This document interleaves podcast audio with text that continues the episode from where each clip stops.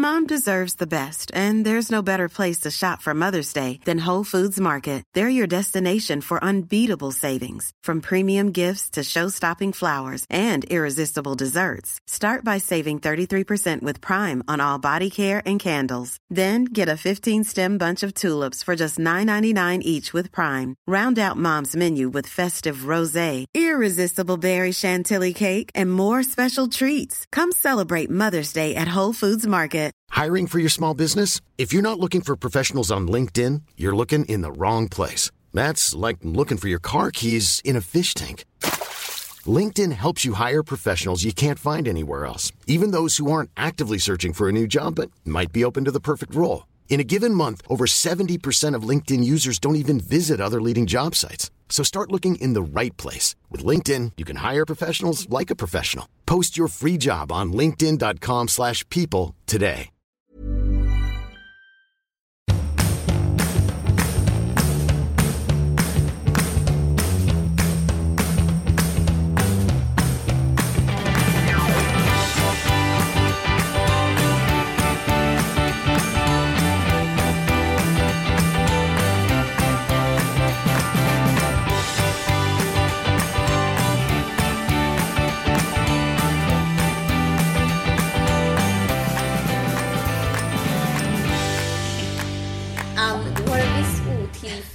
Med våran teknologiska utrustning.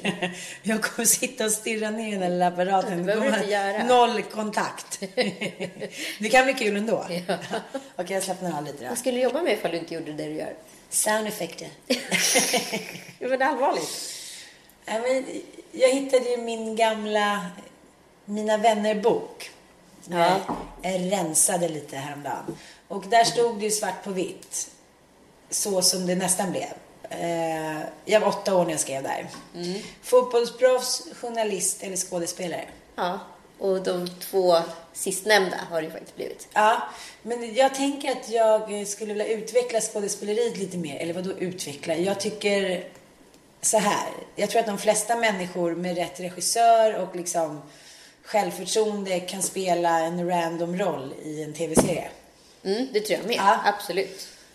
Ja, men liksom, I alla fall sketcher. Om man Ja, men säger det så. tror jag Ja. med. Så det, det skulle jag vilja göra, men... Men du vet, Eller förresten inte. Kommer du inte ihåg alla de här reklamfilmerna som folk hade dille på för ett tag sedan? Och jag vet inte om det här kom från...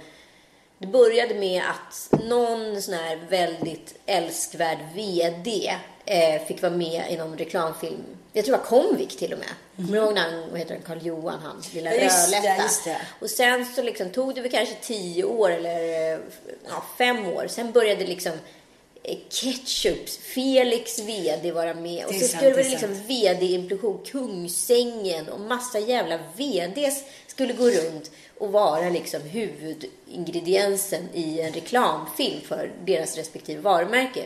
Vem fan känner empati för en VD? Och varför per definition skulle en VD vara ett, bra språkrör för ett varumärke? Det en VDs uppgift är, är ju i grunden att göra en bra rekrytering, hålla budget, nå affärsstrategiska mål och så vidare. Det finns ingenting som pratar marknad i en VDs roll. Nej, men jag tror att det handlar om att vi i Sverige är så ängsliga. Det är så svårt att så här, göra en succé när Ja. det gäller det virala. Så tror jag att man tänker att någon annan har gjort det, då snor vi konceptet bara helt skamlöst. Ja, men därför tror jag inte på att alla personer kan göra en sketch. Nej, men det är ju Nej. samma sak för som ICA-Stig. Ja. Det var ju ett annat märke. Så Jaha. kallade Konsum. De gjorde ju också det där med personalen Ja, som var inne. Och det blev ju så kackigt som man... Ja, men då blev Nu liksom... har jag börjat rapa Tina. Ja, mysigt. Det var graviditet. Jag tänkte på en sak när jag gick här då på Östermalm där Anita bor. Vi sitter hemma hos henne nu. Eh, och så satt jag och väntade på det i trappuppgången och någon gubbe som knappast kunde gå fick släppa in mig. Och det har hänt mycket Ja, oj, den här kvarten jag väntat på dig. Men alltså har alla i det här området som vi kallar Östermalm, överklassområdet, hund? Nästan alla. Jag skulle säga, du vet att det är en hunddagisbil som parkerar precis utanför min port varje morgon. Där människor då vallfärdar från diverse håll och eh, liksom lämnar in sin hund där. Mhm. Ja.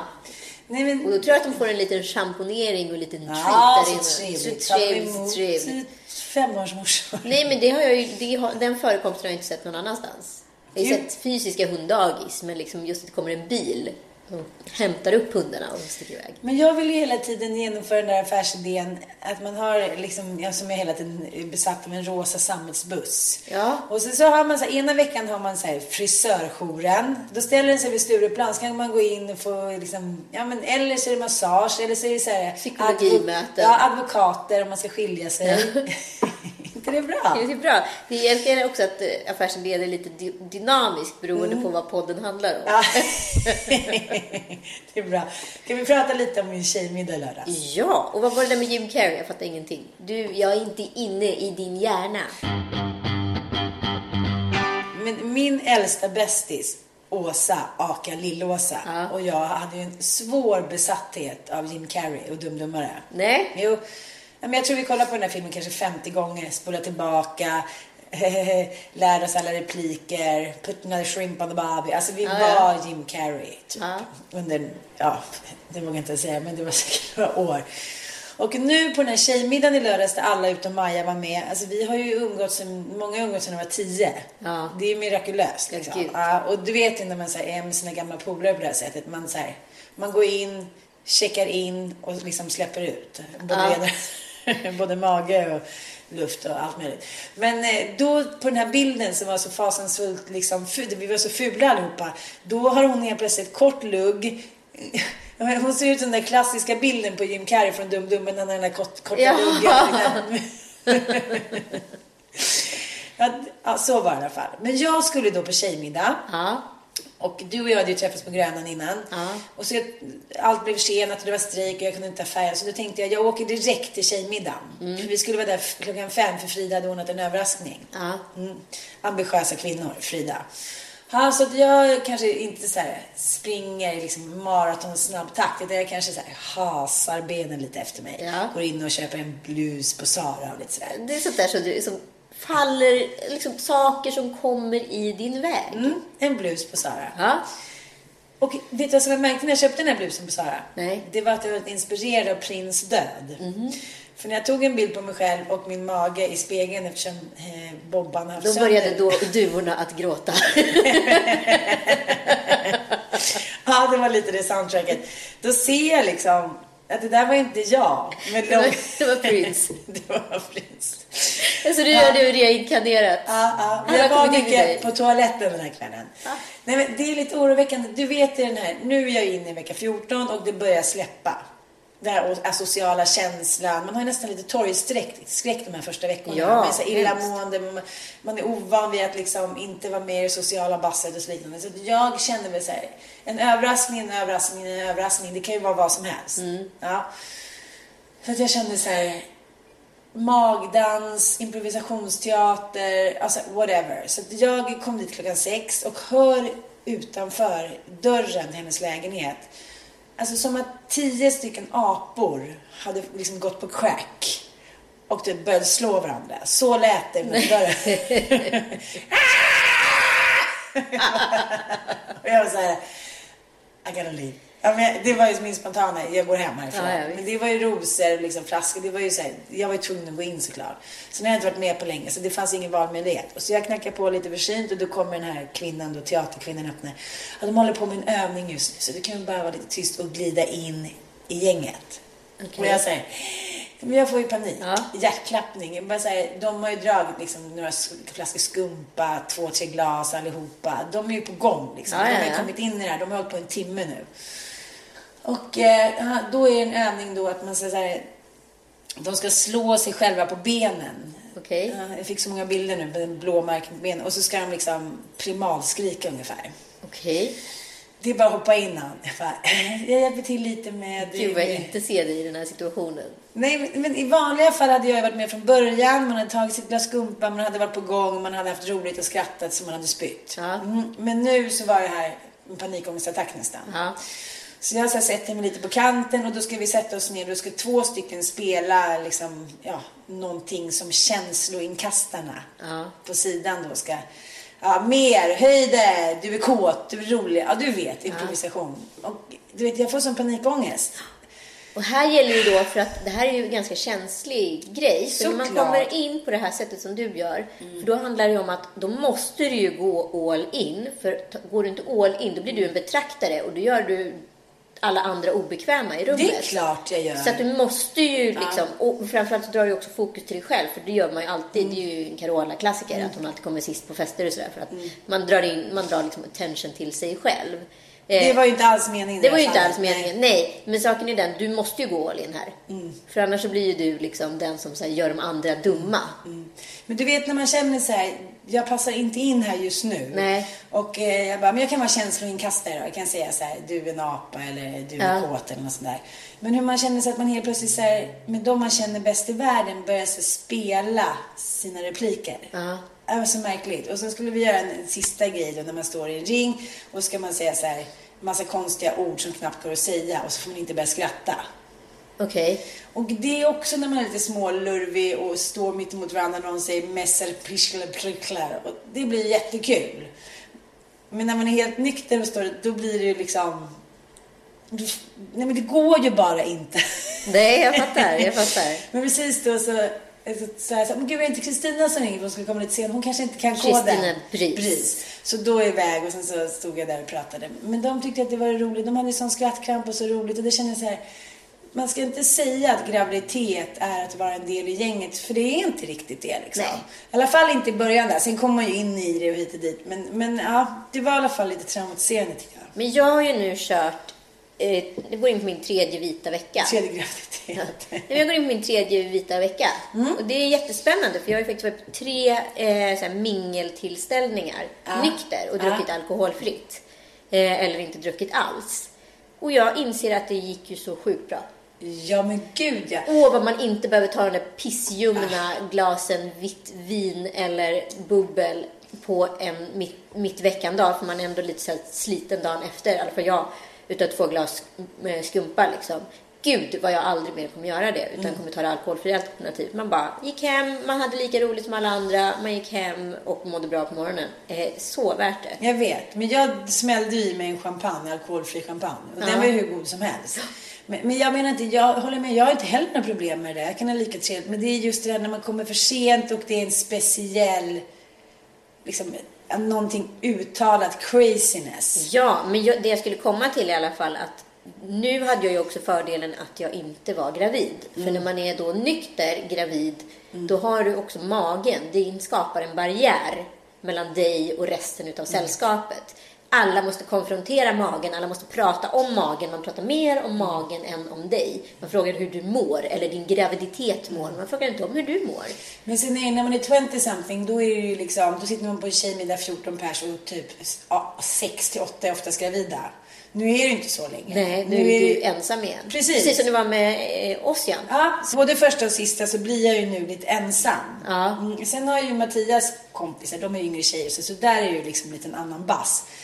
Men det, det känns också lite så här utanförskap. Att nu är alla andra inne i så här, ja men du vet, tonårsproblem, åttaårsproblem och då blir det så här, hej, nu börjar vi om. Man reagerar inte på samma sätt. Jag tänker inte, jag går inte in i det på samma sätt. Nej. Hur känns det då? Kan vi bara ta en hur känns det fråga runt graviditet? Kan vi släppa det där sen. Ja, sen släpper vi det. Men jag tycker att det känns bra. Eh, jag känner mig så här lite förvånad. Jag bara, ja, men det är kvar där inne. Det kämpar på. Men nu är jag inne lite i de här spökveckorna. Att jag mår ganska bra. Men jag Ja. känner ingenting. Just det. Jag, jag har liksom ingen växtverk. Jag, liksom, jag fiser inte. Jag, alltså, det är ingenting speciellt som händer. Det känns som att jag mår som vanligt. Ja. Förutom när jag ser mig på bilder igår när jag skulle ta oblaten på konfirmationen. När man bara, men gud. Alltså, så här, jaha, är jag nionde månaden? Man har ju redan intagit det här modiga, lite liksom, med svullna läppar. Lite så här, man är lite fröjdelig direkt. Ja, Fast du har ju liksom någonting som jag upplevde nu när jag inte rökt och druckit på tre veckor. Din hy är Ja. ju peachy och det är ju min hy med. Ja. Och jag trodde att det var en sån här eh, gravid-glow. Men jag inser att det är en sån här, jag röker inte, jag dricker inte glow. Det är det det handlar om. Men det är ändå man tänker, det här är min femte graviditet. Jag har hållit uppe från alkohol, och Sigge Pillisar och craziness ganska många gånger. Och det, jag bara, va? Reverse. Reverse. Nej men det är ju skönt att inte vara liksom bakis, att inte alltså, så är det ju bara. Ja, ja. Man, det är härligt. Men så tänker jag så här, vecka 14, då är det 24 veckor kvar. Mm. Ja men det känns jäkligt länge. Men sen är det så här, sommaren går ju alltid fort, vare sig man är på smällen eller inte. Det är Ja, ja. liksom bla bla bla. Men sen börjar man jobba i mitten av augusti och sen är det bara liksom någon, ja, Ja, sen är det inte långt kvar. ett månader kvar. Men status för relationen tycker jag är- har stabiliserat sig. Ja, du ur, hur hormondippen, är det vi? Ja, men han, nej, den är faktiskt, det känns som att den är över. Men Mattias säger, jag pallar inte mycket längre nu, är den snart över?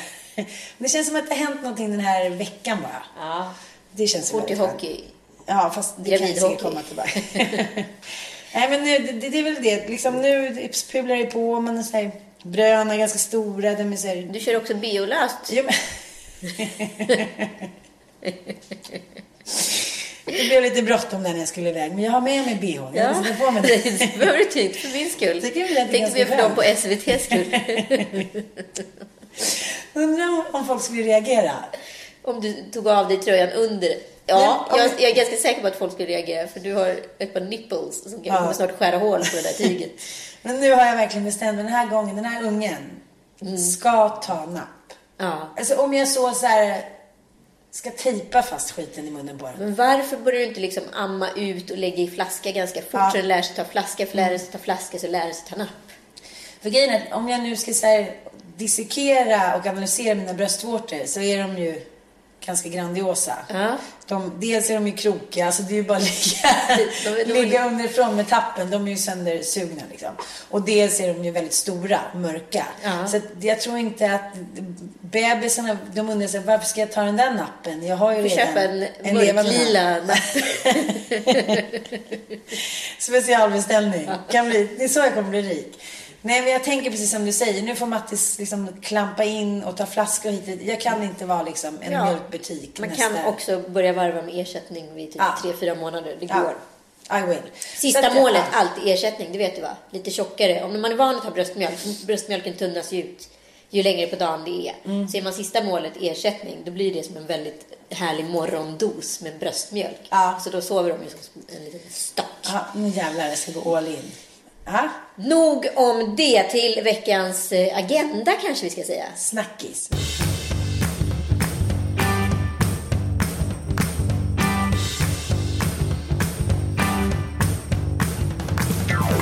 Såg du mig på Nyhetsmorgon? Mm, det gjorde jag älskling. Ja. Det var Mattias som tog fram det. Var det det? Ja. Då pratade vi, ni pratade om handskakningen. Precis. Mm. Eh, Ni pratade lite om prins. Mm. Men prins skiter vi Den är redan, liksom, tycker jag, Den är redan tagen. Men handskakningen. Jag tänker att vi måste gå tillbaka lite på den. För den har ju inte som så många andra nyhetsankor tacklat av. Nej. Utan den har istället liksom på något sätt eskalerat till en så här superpotatis. Jättepotatis, mycket manligt kvinnligt i det här, jättemycket demokratifrågor, jättemycket eh, religionsfrågor och kulturella strukturer etc. Kort summering är att Yassir Khan, eh, ett språkrör i Miljöpartiet, vägrar ta TV4s reporter Ann Tiberg i hand eh, för att eh, det är ett sätt enligt honom att hedra och respektera kvinnan och man ska inte utsätta sig själv för frestelser som man i den falangen utav islam som han eh, tror på. Eh, ja, vad säger vi om det? Men jag tycker att det intressanta är att nu ska det här utredas och, av liksom allt och alla. Och alla ska ha en åsikt. Nu har Göteborgs-Posten eh, gjort någon så här analys då om handskakning och med kunskap från en professor i islamisk teologi och filosofi. Så här. Men jag tänker ju så här, en del är ju att det kontextet man kommer ifrån, den kulturen, den bakgrunden, det är ju liksom man måste ju se till den för att kunna nå jämlikhet. Men samtidigt så är det här ett gammalt uttryck för ett patriarkalt samhälle på något sätt. Ja, men mycket vi- av islams regler, inklusive med slöjorna och det, det är ju patriarka, patriarkala mönster. Att kvinnan är en frästerska och hon ska liksom eh, dämpas i allt vad hon gör för att frestas. Men, men sen är det lite så här, ingen har ju frågat några muslimska kvinnor Nej. hur de vill bli hälskade, hälsade på. Jo, det var en muslimsk kvinna som... Var det? Ja, och hon sa ju att hon skulle lämna rummet i princip. Ifall någon inte ville bli hälsad på det sättet. För den nischen han är, du är alldeles för okunnig inom det här segmentet, men är ganska extrem. Okay. Eh, ja. Det finns ju hur många som helst härliga eh, muslimer som är superintegrerade i liksom, det här samhället. Jag säger precis som jag sa i Nyhetsmorgon att skulle jag eh, bosätta mig i Saudiarabien skulle jag per definition vara tvungen att liksom, acceptera eh, deras system och liksom, vad man kalla det för förhållningssätt mm. till sådana här regler. Eh, och skulle jag gå publikt eller offentligt skulle jag bära slöja och, och liksom förhålla mig till det här, även om jag gillar det eller inte. Om jag skulle gå fram och liksom krama en, en muslimsk man så skulle det vara ett övertramp eh, utifrån det perspektivet också. Så att Ja, alltså antingen så får man ju respektera det eller så får man ju inte respektera det. Och vad man gör hemma med sina svenska kompisar, det är ju skitsamma. Men många har ju liksom påvisat att man byter ut kvinna mot liksom handikappad eller barn eller någonting. Ja. Hur blir det då, då? Hur blir det då? Men som vanligt liksom, i ankdammen så är ju den intellektuella nivån, nivån i Sverige ju för låg. Så ingen vet ju någonting om någonting. Nej, ska ändå det finns två miljoner hälsningsriter överallt över hela jorden. Mm. Och du respekterar väl dem var du än kommer. Och ja, jag vet inte, vi lever ju också i en demokrati. Eh, precis som Farsad som satt med i Nyhetsmorgon sa. Och då ska vi också acceptera oliktänkande.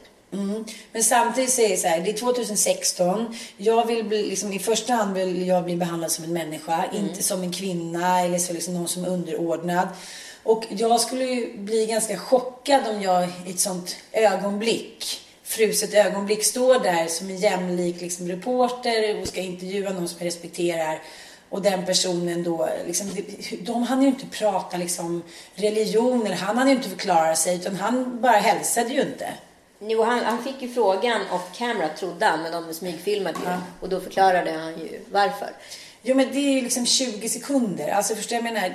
Det är så svårt. Borde till att börja med mediaträna sina språkrör lite bättre Miljöpartiet. Nummer två är ju att det finns ju en eh, eventuell kris, eh, en riktig kris i Miljöpartiet. Att, att många partier, vilket var vanligt på ryssarnas tid, eh, infiltrerades av eh, ryska spioner, agenter och så vidare. Det var svaga partier och som var liksom godtrogna och tyckte att det var toppen med så här eh, multikulti och bra väljare. Och det påstås ju nu ha skett i Miljöpartiet. Det vet jag inte. Nej, inte jag heller. Men, eh, men eh, det är ju en intressant tanke. Mm. Och hur skulle det se ut med ett islamistiskt styre i Sverige? Ja. För att de sitter ändå i regeringen. Mm. Nu får inte jag uttala mig så mycket sånt där för då blir Mattias rädd och stressad. Han tror att jag kommer att jaga. Nej, men jag säger inte ja. bu eller bö. Jag säger nej, så här, vi, om vi är en demokrati och vi pratar om eh, jämställdhet och alltihopa, men då måste vi ju liksom integrera här, den här öppenheten med. Eller? Ja, absolut. Men jag tycker att det är samma sak där. Att, här, jag tycker det tigs ihjäl, som i svenska skolor. Eftersom vi inte är integrerade med varandra så är det fortfarande så att en, en viss liksom, kultur, barn av en viss kultur bor där i Södertälje. Vi andra, vi bor här. Då blir det väldigt svårt att föra en liksom, vettig och öppen diskussion om det. Ja, men samtidigt så här, kolla på USA som är så här, världens mest integrerade land. Det är ingen lätt åktur de har varit på för att liksom komma dit de är idag. Sen kan man säga vad man vill om USA. Men fan vilken många rätt de har gjort. Kolla också deras mediabild, vilket jag alltid återkommer till. Där finns alla representanter från religionsåsikter till liksom eh, etnicitet till liksom kön. Och de, tycker, de har ändå ganska mycket mög i väggarna, men jag tycker fan att vi har ännu mer mög i Sverige.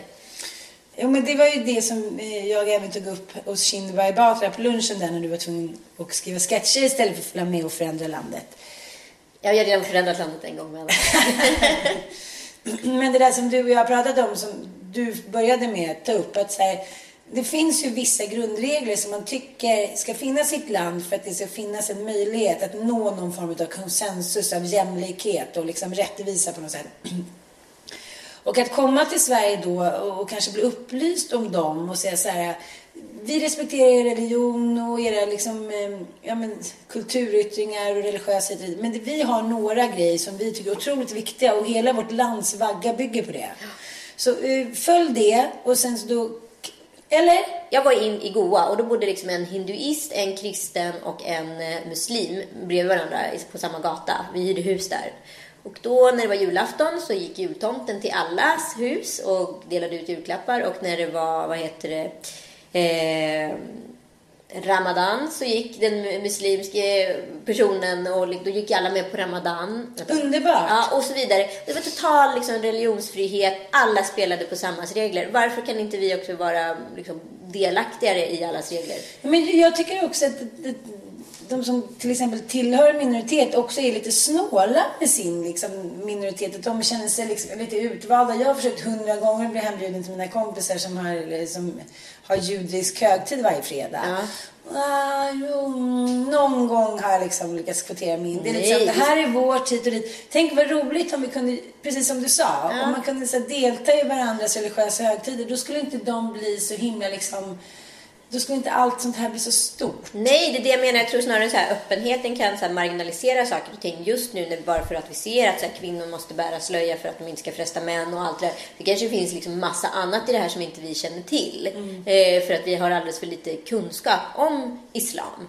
Så att jag tycker att det är en jätte, jättesvår fråga från början till slut. Sen så kan jag ju personligen känna att så här, jag var i Indien en gång, eh, nere i, i södra Indien och där är det superpatriarkalt och ganska hemskt utifrån mina mått mätt. Men där respekterade man en, kvin- man en kvinna genom att inte titta henne i ögonen, vilket var oerhört provocerande för mig.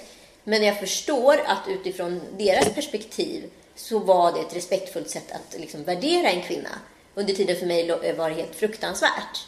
Eh, Så det kommer ju alltid vara liksom religions och kulturella krockar hur vi än vrider och vänder på saker och ting. Men man får väl bara gilla läget helt enkelt. Men jag har varit med om ett av de mest traumatiska ögonblicken i mitt liv i Indien. Jaha. När det gäller just att respektera kvinnan. Men det säger sig självt. Om jag aldrig hade sett en naken kar och var 20 år. Ja. Alltså jag hade bara sett honom vadderad, liksom med mössa och så, jag hade bara sett hans ögon. Det är det jag har sett. Liksom. Men jag känner hur så här, säven rinner. Alltså jag är upphetsad. Det är så här, jag är som vem som helst. Jag är en kvinna, så här, jag blir upphetsad, jag, liksom, jag, jag vill ha sex, bla bla bla. Och så ser jag plötsligt kommer jag någonstans där all, det går omkring så här, 200 män på stranden i som kallefjupper. Någon har lite så här hit och dit. Då är det klart att jag skulle gå bananjas. Ja. Det är väl inte så konstigt, men apropå det så skulle jag då ta en massage. En veriadisk massage. Ja, ayurvedisk kan det Ja. vara. ja. Men ja, okej, fortsätt. Nej, det här var en annan. Ja. Good to know. Och var där med några vänner som är så här Indian lovers. Alltså Ja. de kan allt, de jobbar där, bla bla bla. Så det var verkligen, hon sa, men ja, han verkar bra sådär. Låg lite på en bakgata hit och dit. Mm, glad i hågen så klampade jag dit klockan 14 och hade fixat barnvakt hit och dit. Och han då, ja, han insisterade på att jag skulle vara naken. Jag sa, men det behöver jag väl inte vara. Jo, det är mycket oljor och sådär.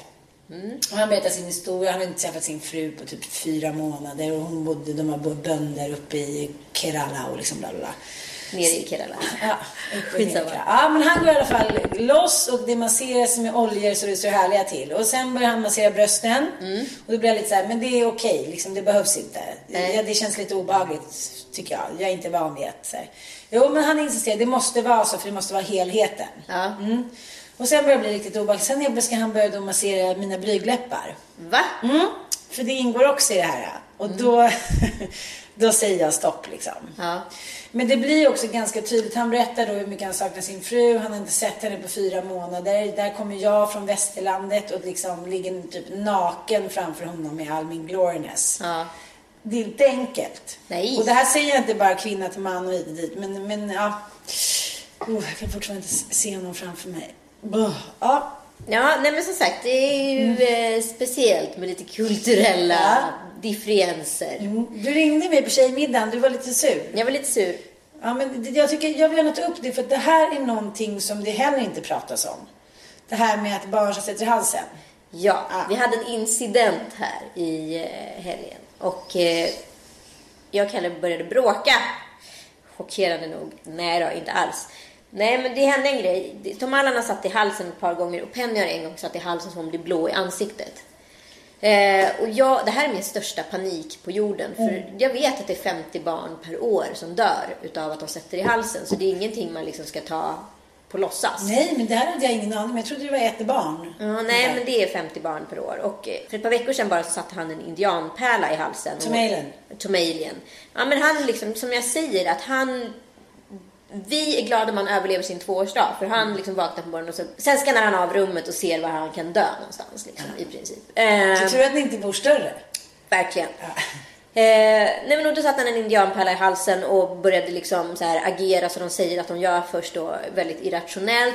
Det är ju sånt här som bara kanske en förälder skulle reagera på. Att man ser att hans kroppsspråk blir annorlunda. Du skulle nog inte ens se, sett att det var något fel på honom.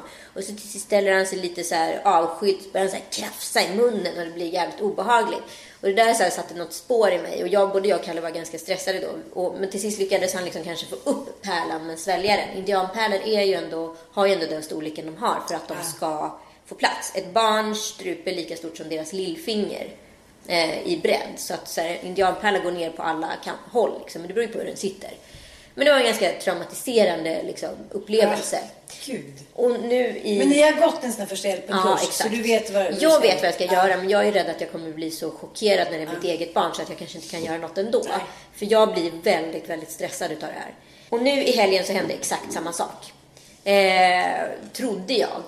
Han började eh, agera väldigt märkligt, blev lite så tystlåten, förändrade kroppsspråket, började rafsa i munnen. Till saken hör att han har haft en ganska kraftig hosta ett tag. Så han får så här eh, andningsmedicin och sånt där.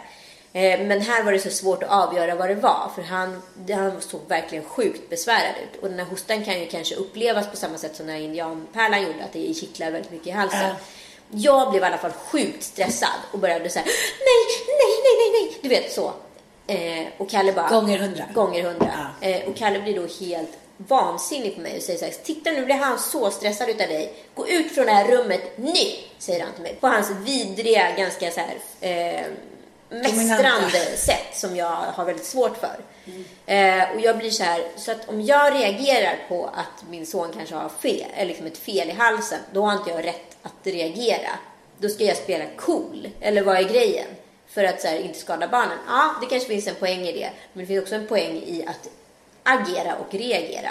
Han bara, det blir lite Peter och vargen. När det väl händer så kommer ingen liksom ta det på allvar. Jag bara, nej, för jag kommer alltid reagera så här alla gånger. Här har vi en meningsskiljaktighet. Ja, och sen så bara eskalerade det där till något annat typ av bråk. Och vi som sa att vi inte skulle sms-bråka, han smsade mig när jag stod på toan och surade. Det var så här i lägenheten. och sen började vi såklart efter ett tag skratta åt det och liksom komma över och snacka, prata igenom situationen. Och bad faktiskt varandra båda om ursäkt. Så jag tyckte vi ändå agerade relativt moget. Mycket bra. Och eh, Mattias har nu satt ner foten med min eh, gravid eh, irritation sådär. Så igår i bilen på vägen till treårskalaset i Enköping så var han så här. Ja du vet, han så här, direkt nu. Han körde en liten falling down. Ja. Och var så här, nu räcker, vad var det han sa? Det spel, du är den mest krävande kvinnan jag har träffat. Och då började jag direkt, men du har inte träffat särskilt många. Ja men du vet. ja men direkt. Och nu liksom, vad jag än gör fel och bla bla, och nu är du tyst och så. Han läste verkligen lusen av mig. Jag bara, okej, Okej. förlåt. Ibland så blir det sådär att man Spela ut hela gravidkortet på en gång. Ja. Men att man bara säger, i vanliga fall så har man någon form av liksom nedre och övre gräns för när man släpper loss. Men när man är gravid då är det lite som att säga, aha, ett russin i kakan. Nu kan jag så spela ut hela mitt register direkt. Ja. Det är lite som att man blir ett barn. Det är lite som när Tom Allans liksom, fysik så här, företräder hans liksom, psyk, ja, men psyke. Att han säger, va? Hur gick det där till? Ja, men han använder ju också sitt huvud som en så här 50 liksom, arm. Ja. Alltså han använder ju huvudet och hakan på ett sätt som en stenåldersmänniska skulle göra för att klättra upp för ett klippblock. Liksom. Det är ju liksom...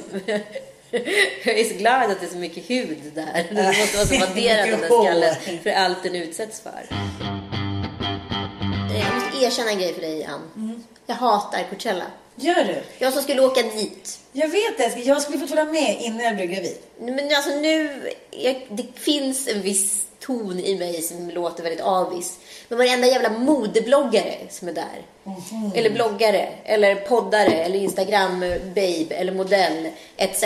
Som åker dit med sina stora jävla hattar, sina gummistövlar och har leder som... Lid, korta Kate Moss-shorts. ja, alltså det är så mycket Kate Moss-komplex så jag orkar inte. Från Nej. Glastonbury för typ tio år sedan när hon var där med Pete Doherty. Jag orkar inte. Och de åker dit för att ta snygga bilder på sig själva i de här outfitsen. De skiter i musiken. De vet typ inte ens vilka band som spelar. Fan vad jag låter gammal nu. Jag hör det när jag sitter här och dikterar detta. Men de har ju tagit festivalen till en ny nivå. Musiken är bara fonden för en attribut. Förstår du? Men är inte, har inte, blir det inte mer och mer så att hela världen är, liksom, är en fond för att man ska kunna visa upp sig? Jo, och jag börjar bli lite äcklad utav det här. Ja. Att, så här, att när det när det inte liksom längre finns ett syfte. Jag fattar precis vad du Förstår menar. du? Att så här, jag vill inte se Kendall Jenner sitta och fräna sig med Gigi Hadid etc. Bara för att de ska kunna säga att de är på Coachella. För de skiter fullständigt i musiken. De bor på hotell. Eh, de liksom hänger vid en pool. Det är inte att vara på festival. Liksom. Nej, men, men då kanske du ska åka dit och säga gå all in och ha någon sån gammal hippie-tröja. Nej men inte fan vet jag vad jag ska göra. Men jag bara så pallar inte med längre att liksom allt det vi så här, genomlevde och faktiskt betydde någonting för oss bara är någon typ av så här, precis som du säger, en fond för appearance. Men det här måste ju vara på något sätt så här, någonting som även musiker och liksom människor med, som jobbar med kulturella uttryck märker att folk är inte så jävla intresserade av deras alster längre. Det gäller bara här, vara snygg i alstret. Men allting det är som en kuliss. Usch! Så tantig jag känner mig, men jag känner så här. Och jag blir så jävla upprörd. Jag satt och kollade på någonting som ändå så här ligger väldigt nära på ett sätt. När O.J. Simpson eh, rättegången filmen som heter O.J. vs. People och People är då folket som då är liksom eh, ja, vad vi skulle kalla allmänheten eller vad säger man? Ja, men ja. Ja, allmänheten. Ja, alltså det är ju allmänheten då i ett brottsmål som står mot den anklagade. USA Ja, i så USA. Ja. Där man har en jury och allting. Det är en väldigt, väldigt speciell liksom, situation. Det, det som sker under de här åtta månaderna som rättegången tar. Juryn får dessutom inte komma hem utan de bor ju alltså Ja. fångatagna i princip på ett hotell. Och det lär väl inte vara det lyxigaste. Nej, men då till sist fick de i alla fall en liten uppgradering. Men, eh, men det måste ju vara en sån oerhört pressad situation och det går ju inte utifrån det som skedde, för det blev en sorts masspsykos där och hela liksom, rättegången vändes till en rasfråga istället för att han var skyldig fråga. Alltså hans DNA var en på så här, 57 miljarder och ändå så var det så här, nej han är frikänd, han har inte gjort det. Ja, det, är inte, det finns ett rimligt tvivel. Och jag tycker den här scenen, eller scenen, det är ju verkligen, det är på riktigt. När han då ska sätta på sina handskar som de Ja, och hittar. han har också latexhandske på Ja. sig under. Eh, Han låtsas. eh, Precis som man inte bara kan trycka in sig i vad som helst.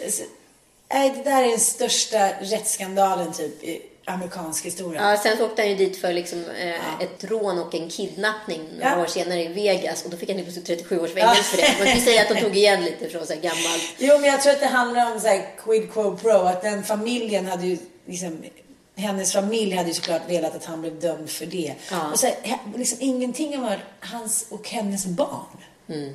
Förstå vilket öde. Först blir mamma mördad och sen så vet man att det är pappan som har gjort det. Så det är nasty. Det är riktigt nasty. Ska vi inte avsluta med något trevligt nu? Nej, men jag måste prata om Okej. Marsha Clark som var, Ja, försvars, ja, ja, som var ja. liksom Försvars- district attorney, alltså försvars... åklagare. Ja, just det, åklagare. Ja. Eh, och det var ju första gången, återigen för att komma tillbaka till den här fonden vi pratade om, där yta blev verkligt. För hon, eh, som kvinna som man är också i sådana sammanhang så måste man kanske nästan prestera dubbelt så mycket som män för att nå så långt och kanske lite längre.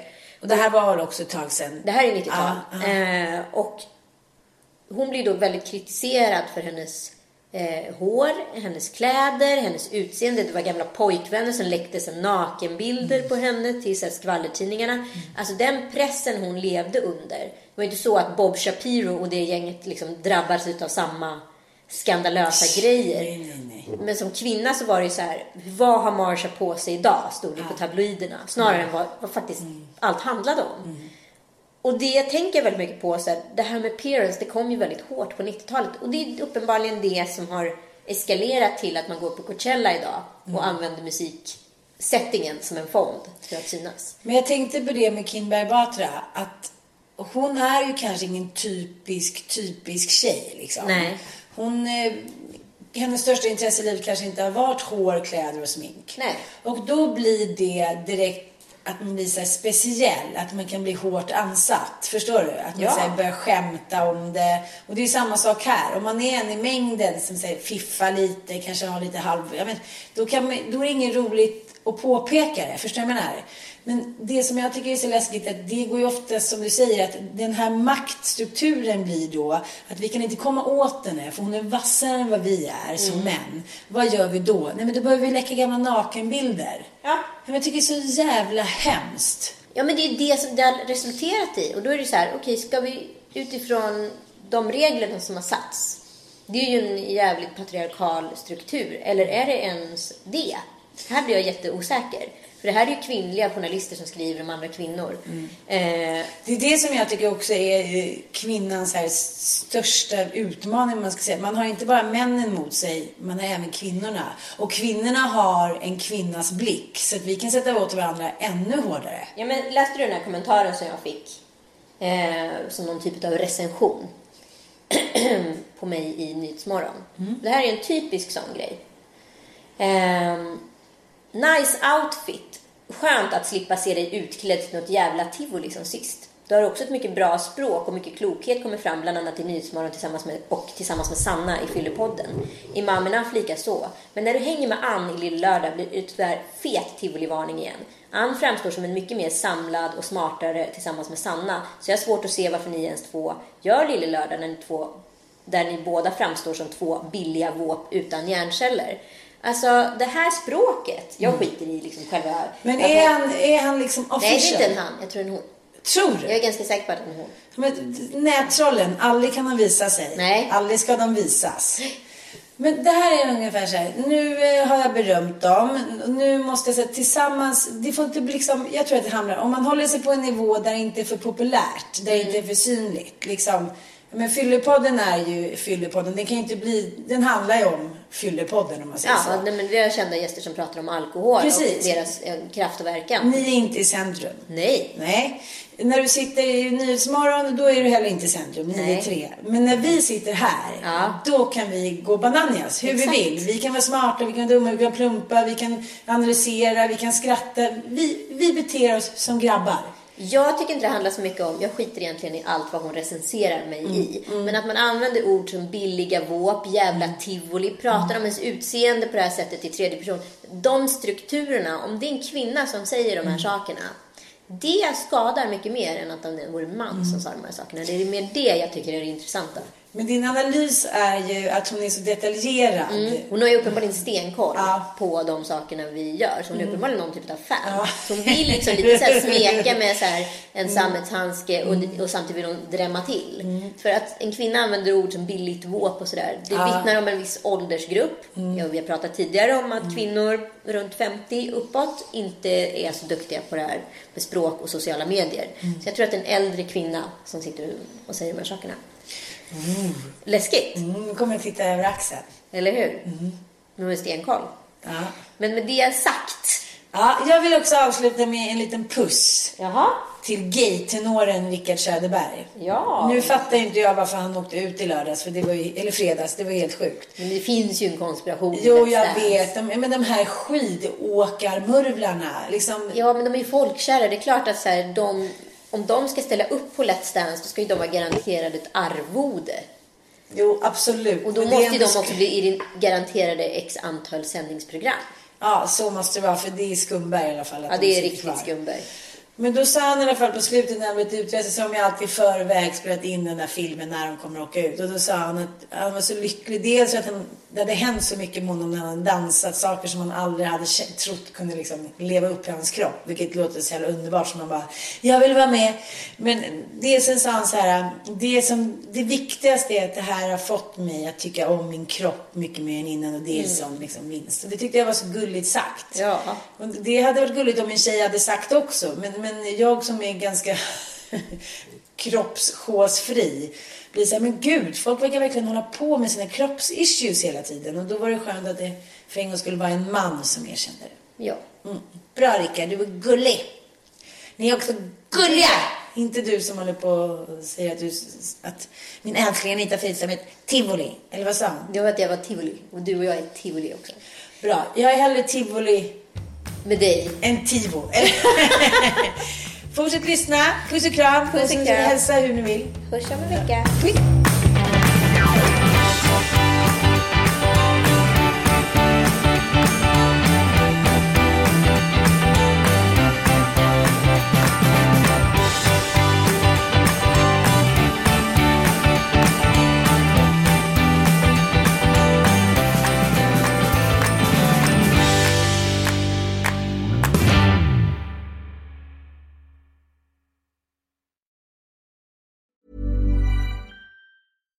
Hi, I'm Daniel, founder of Pretty Litter. Cats and cat owners deserve better than any old fashioned litter. That's why I teamed up with scientists and veterinarians to create Pretty Litter. Its innovative crystal formula has superior odor control and weighs up to 80% less than clay litter.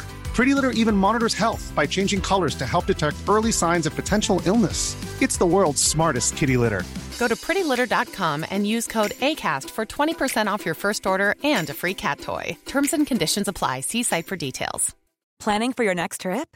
Elevate your travel style with Quince. Quince has all the jet setting essentials you'll want for your next getaway, like European linen, premium luggage options, buttery soft Italian leather bags, and so much more.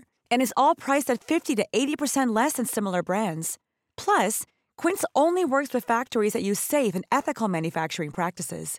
Pack your bags with high-quality essentials you'll be wearing for vacations to come with Quince. Go to quince.com slash pack for free shipping and 365-day returns.